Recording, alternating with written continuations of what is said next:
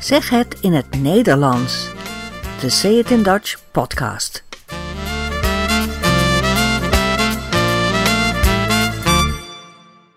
Nummer 14. Welkom bij deze podcast. In deze aflevering praten we over geslaagd zijn en studeren aan de universiteit. De allereerste Nederlandse vrouw die mocht studeren om dokter te worden, Aletta Jacobs.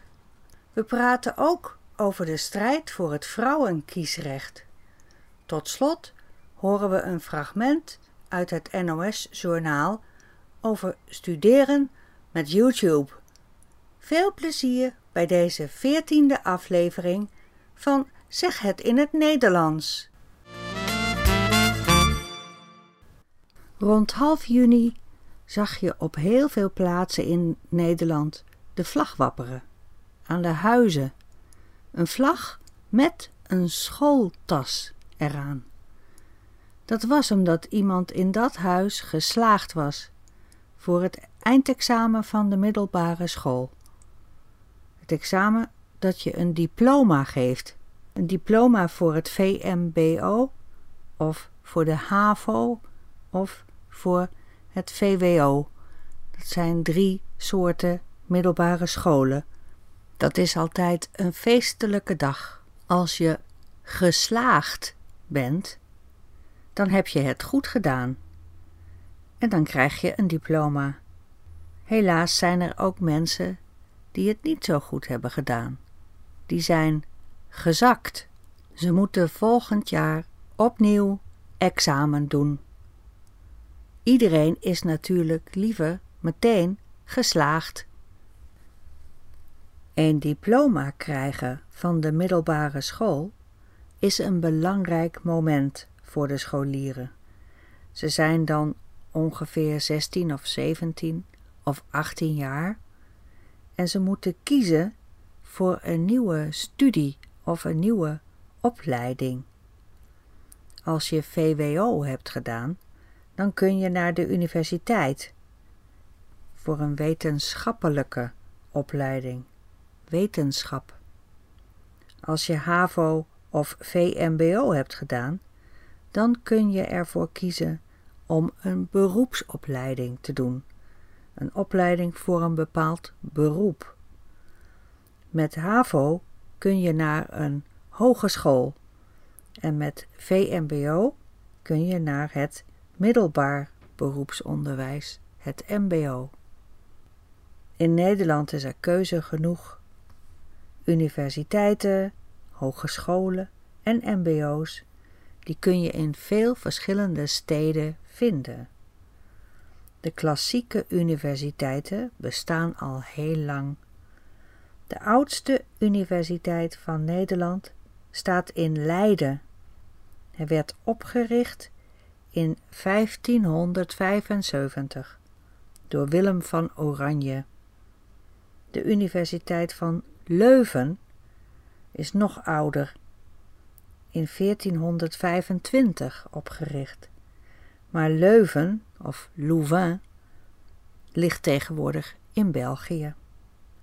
Er studeren elk jaar ongeveer een kwart miljoen mensen, 250.000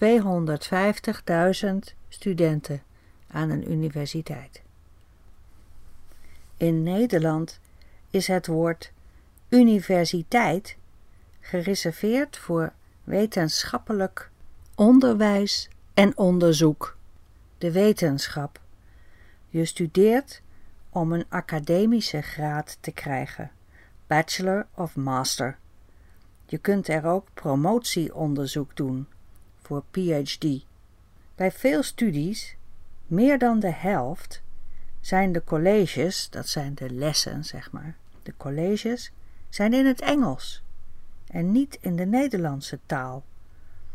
Veel Nederlanders, en ik ook, die vinden dat heel jammer, omdat Nederlandse docenten dan gebrekkig Engels, slecht Engels praten tegen Nederlandse studenten. Dat is een beetje raar. Het is natuurlijk bedoeld voor de vele internationale studenten en voor de internationale docenten. Maar het is niet zo fijn voor de Nederlandse studenten. En het is ook heel slecht voor de Nederlandse taal. Vind ik. Publicaties en artikelen en proefschriften waren meestal al in het Engels. Dat is logisch, maar als je ook in de dagelijkse colleges Engels moet spreken, dan gaat de Nederlandse taal op academisch niveau verloren. Ik zal je een stukje uit een hoorcollege laten horen, in het Nederlands. Ik verwacht niet dat je het zult begrijpen. Dat geeft niks, maar het is een voorbeeld van een goed Nederlandstalig college over wetenschap van professor Philipsen. En ik wil daar twee opmerkingen over maken. In de eerste plaats kun je proberen om kwantitatief te bestuderen hoezeer wetenschap, ik kijk in de eerste plaats naar natuurwetenschap, maar ook de historische wetenschappen en de sociale wetenschappen, hoezeer wetenschap is toegenomen in de loop der tijden. De mensheid is natuurlijk enorm gegroeid, zoals u weet, maar wetenschap groeit veel harder. En als we dat proberen te kwantificeren, dan kunnen we verschillende maatstaven kiezen. We kunnen kijken naar de hoeveelheid mensen die in de wetenschap werkt. Elke generatie in de natuurwetenschap van onderzoekers blijkt groter te zijn dan de som van alle voorgaande generaties. Je moet zich dat realiseren. Het is een heel interessant gegeven. Dus dat is een hele snelle groei. We kunnen kijken naar de hoeveelheid geld die daarmee gemoeid is. Dat kunnen we proberen te kwantificeren. En we kunnen kijken naar de aantallen publicaties. En welk van die drie maatstaven je ook kiest, het blijkt dat sinds ongeveer 1650 tot ongeveer 1950, als we maar eens een makkelijk te kwantificeren periode nemen, dat in die periode elke 15 jaar de wetenschap verdubbeld is in omvang. Nou, als u dat even snel uitrekent, elke 15 jaar verdubbeld in omvang sinds 1650 tot 1950, dan komt u op een vergroting van de wetenschap met een factor miljoen. Een enorme toename van wetenschap. En dat betekent dat als je de wereldgeschiedenis bekijkt en je realiseert dat wetenschappelijke ontdekkingen vaak revoluties teweeg brengen in de economie of in de militaire technologie of in de medicijnen of in een heleboel andere factoren, dan zul je ook bedenken dat wetenschap een steeds belangrijker factor wordt om de geschiedenis te begrijpen. Nou, misschien heb je er iets van begrepen en misschien ook niet. Dat geeft niks. Tegenwoordig hebben de universiteiten ook vaak Engelse namen, zoals de University of Groningen, waar ik zelf lang geleden gestudeerd heb. De RUG, RUG, de Rijksuniversiteit Groningen, werd in het jaar 1614 opgericht. Dat is alweer 400 jaar geleden. Bij de Rijksuniversiteit Groningen hebben beroemde Nobelprijswinnaars gestudeerd of gewerkt. Sinds de Nobelprijs in 1901 begon, zijn er in totaal 21 Nederlandse winnaars geweest, waarvan vier in Groningen. Twee jaar geleden won Ben Veringa een Nobelprijs. Hij was Nobelprijswinnaar voor scheikunde, dat is uh, chemie. Dat was in 2016. En professor Ben Veringa werkt ook in Groningen.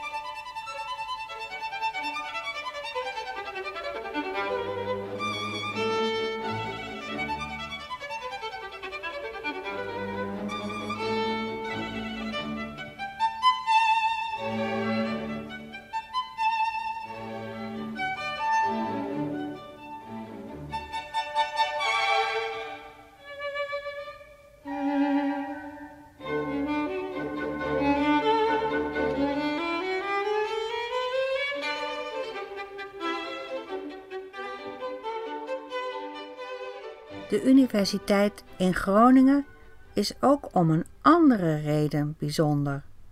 Hier heeft namelijk de allereerste vrouw in Nederland gestudeerd.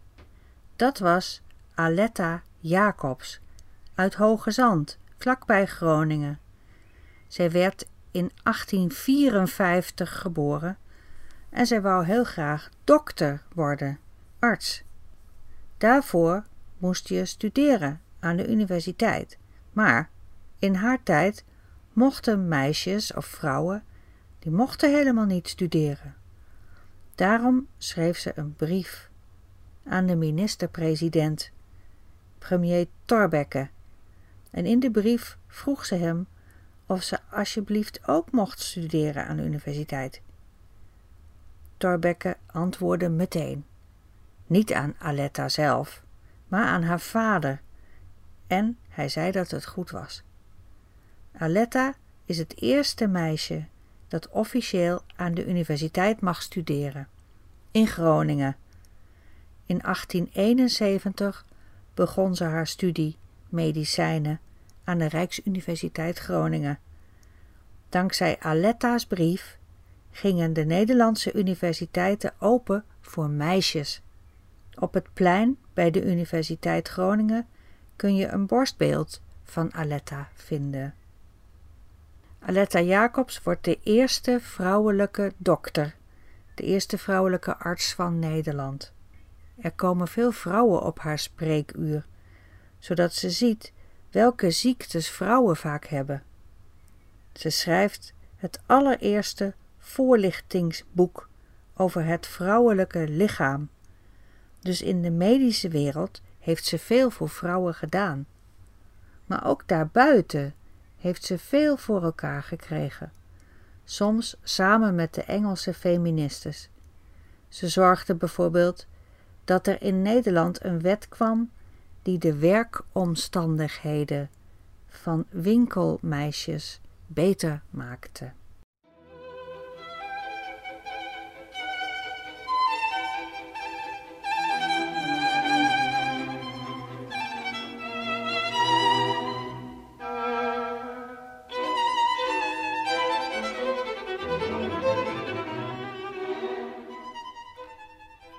Samen met andere vrouwen heeft Aletta Jacobs ervoor gevochten om vrouwenkiesrecht in Nederland te krijgen.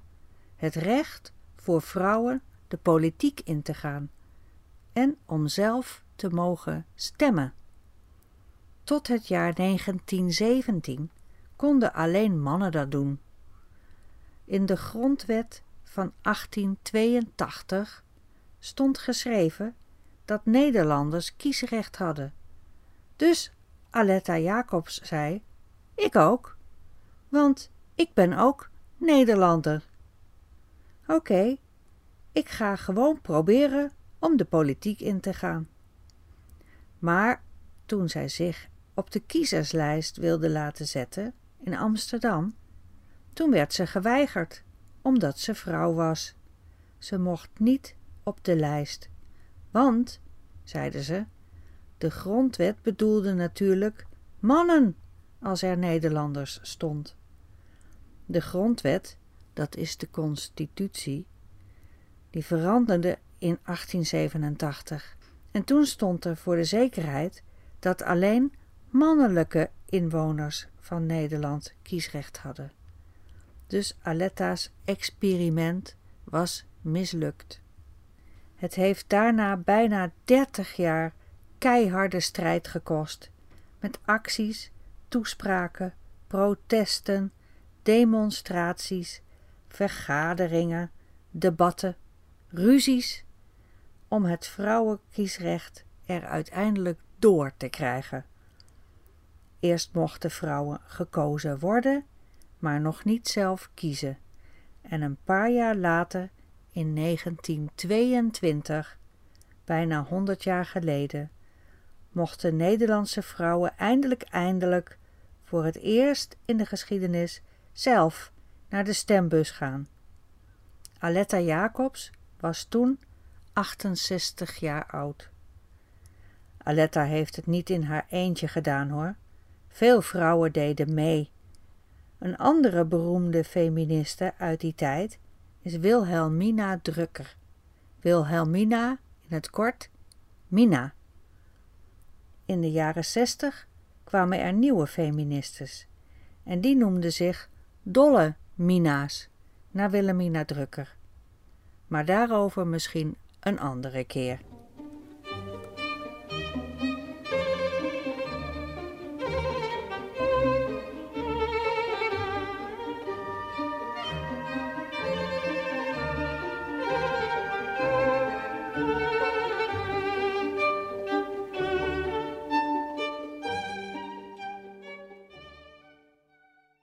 Kunt u dat herhalen? Kunt u dat herhalen? Kunt u dat herhalen? Kunt u dat herhalen? In deze rubriek laat ik iets horen wat op de radio of op de televisie is geweest. En daarna kunnen we erover praten. We gaan luisteren naar een fragment uit het NOS televisiejournaal van 12 juni. Het gaat over studeren. Studeren op een moderne manier. De nieuwslezeres doet de inleiding en we zien een video van een meisje dat stilletjes aan het studeren is. Ze heet Helene. Eerst de inleiding. Dit is het YouTube-kanaal van Helene, een student van 20. Ze geeft geen studietips of bijles. Ze zegt bijna niets en toch schakelen honderden studenten dagelijks in om haar te zien studeren. Ze zegt bijna niets en toch schakelen honderden studenten dagelijks in om haar te zien studeren. Inschakelen betekent aanzetten. Dus zij doen het YouTube-kanaal aan om haar te zien studeren. Het is een nieuw fenomeen. Er zijn tientallen van dit soort kanalen. Studenten zien het als alternatief voor de overvolle universiteitsbibliotheken in tentamentijd. Alternatief voor de overvolle universiteitsbibliotheken in tentamentijd. Tentamens, dat zijn de tests die je moet doen. Je moet tentamen doen als je studeert. Universiteitsbibliotheken. De bibliotheek van de universiteit. Daar zitten de meeste studenten te werken. Maar de bibliotheek is meestal heel vol, overvol. Dus dan heb je geen plaats meer. En dan is het YouTube-kanaal een goed alternatief. Je hoort nu Helene. Hey study buddies, welcome back to my channel and welcome to the resume of the Study With Me live stream from this morning. Now I'm ready to do six extra hours of studying uh, until 9 p.m. Elke keer dat de Vlaamse Helene haar studieboeken pakt, doen honderden studenten met haar mee. Ook studente Linda uit Breda. Je hebt het idee dat je niet de enige bent die aan het studeren is. En als je ziet dat iemand anders aan het studeren is, dan ga je zelf ook harder je best doen. Kunt u dat herhalen? Je hebt het idee dat je niet de enige bent die aan het studeren is. En als je ziet dat iemand anders aan het studeren is, dan ga je zelf ook harder je best doen. En ook voor Helene zelf werkt het motiverend. Ik ben omringd door studenten van over de hele wereld. Uh, die, die ook allemaal aan hun best aan het doen zijn. En anderzijds is het de controle, omdat ik zeg dat ik drie uur ga studeren, dan, ja, dan moet ik dat ook wel doen. Ik ben omringd door studenten van over de hele wereld, die ook allemaal hun best aan het doen zijn. En anderzijds is het de controle, omdat ik zeg dat ik drie uur ga studeren, dan moet ik dat ook wel doen. Anderzijds betekent aan de andere kant. Dus aan de ene kant heb je veel studenten, is ze omringd met studenten. En aan de andere kant, anderzijds, is het ook controle. Want mensen verwachten dan dat ze drie uur met mij kunnen studeren. Ondertussen heb ik gemerkt dat dat mij heel erg helpt om lang te studeren en om betere punten te halen. Ik heb gemerkt dat het mij heel erg helpt om lang te studeren en om betere punten te halen, betere resultaten. Zien studeren doet studeren. Het is een bekend psychologisch fenomeen. Een van de redenen dat de universiteitsbiep zo populair is in de tentamentijd. De biep, de universiteitsbiep, is populair. Je hoort nu een docent. Hij is docent experimentele psychologie. In ieder geval is het voor jezelf motivator om te blijven studeren. Als je even in een dipje zit. Als je even in een dipje zit. Als het even niet zo goed gaat. Als je even in een dipje zit, dan eh, is het, het zien van andere mensen die zo'nzelfde taak uitvoeren, kan dan motiverend zijn in plaats van helemaal alleen te zijn. Ook als er iemand dus virtueel is, blijkt dat dus te werken voor heel veel studenten. Ook als er iemand dus virtueel is, blijkt dat te werken voor heel veel studenten. En hier is geen enkele reden te verzinnen waarom dit kwaad kan. Dus als studenten dit ervaren als een motiverende factor, waarom niet? Nou, zij kan wel zo'n reden verzinnen. Waarom niet? Nou, zij, dat is de studenten die je zo gaat horen, zij kan wel een reden bedenken waarom het niet zo goed is. Ik denk dat het bij mij iets minder aan zou slaan, omdat ik heel erg de neiging heb als ik ingelogd ben op internet, als ik die persoon graag wil zien online, dat ik dan ook afleiding zoek op andere media. Ik denk dat het bij mij iets minder aan zou slaan. Dat betekent dat het iets minder succes zou hebben. Omdat ik heel erg de neiging heb, ik doe dat heel snel.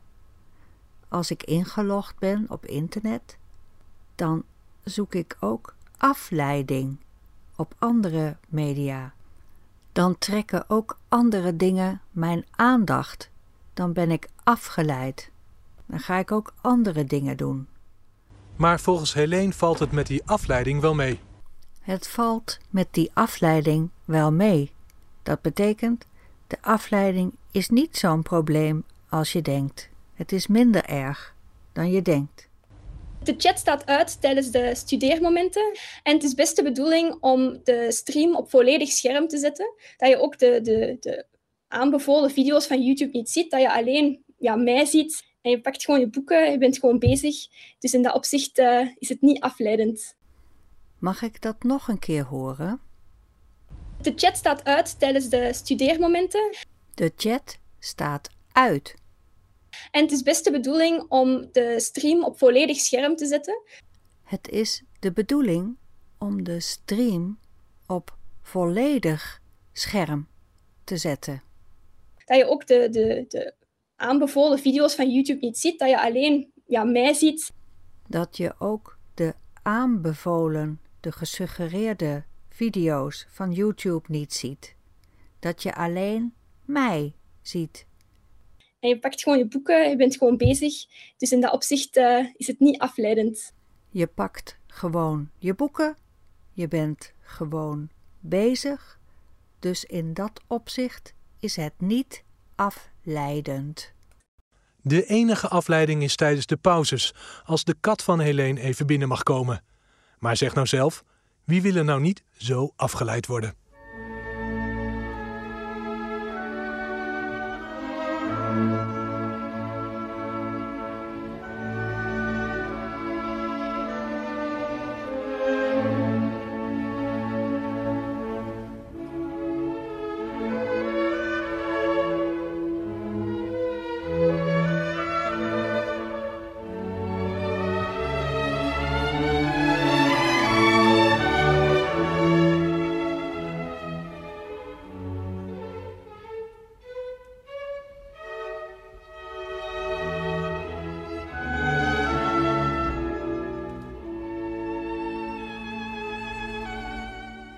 We zijn aan het einde gekomen van deze podcast.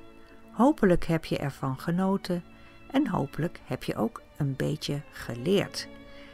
Mocht je vragen hebben of uh, reactie willen geven, stuur dan een e-mail naar info@sayitindutch.com. en kijk op ons blog dutchidiom.com. Daar vind je meer informatie over deze podcast. Tot ziens!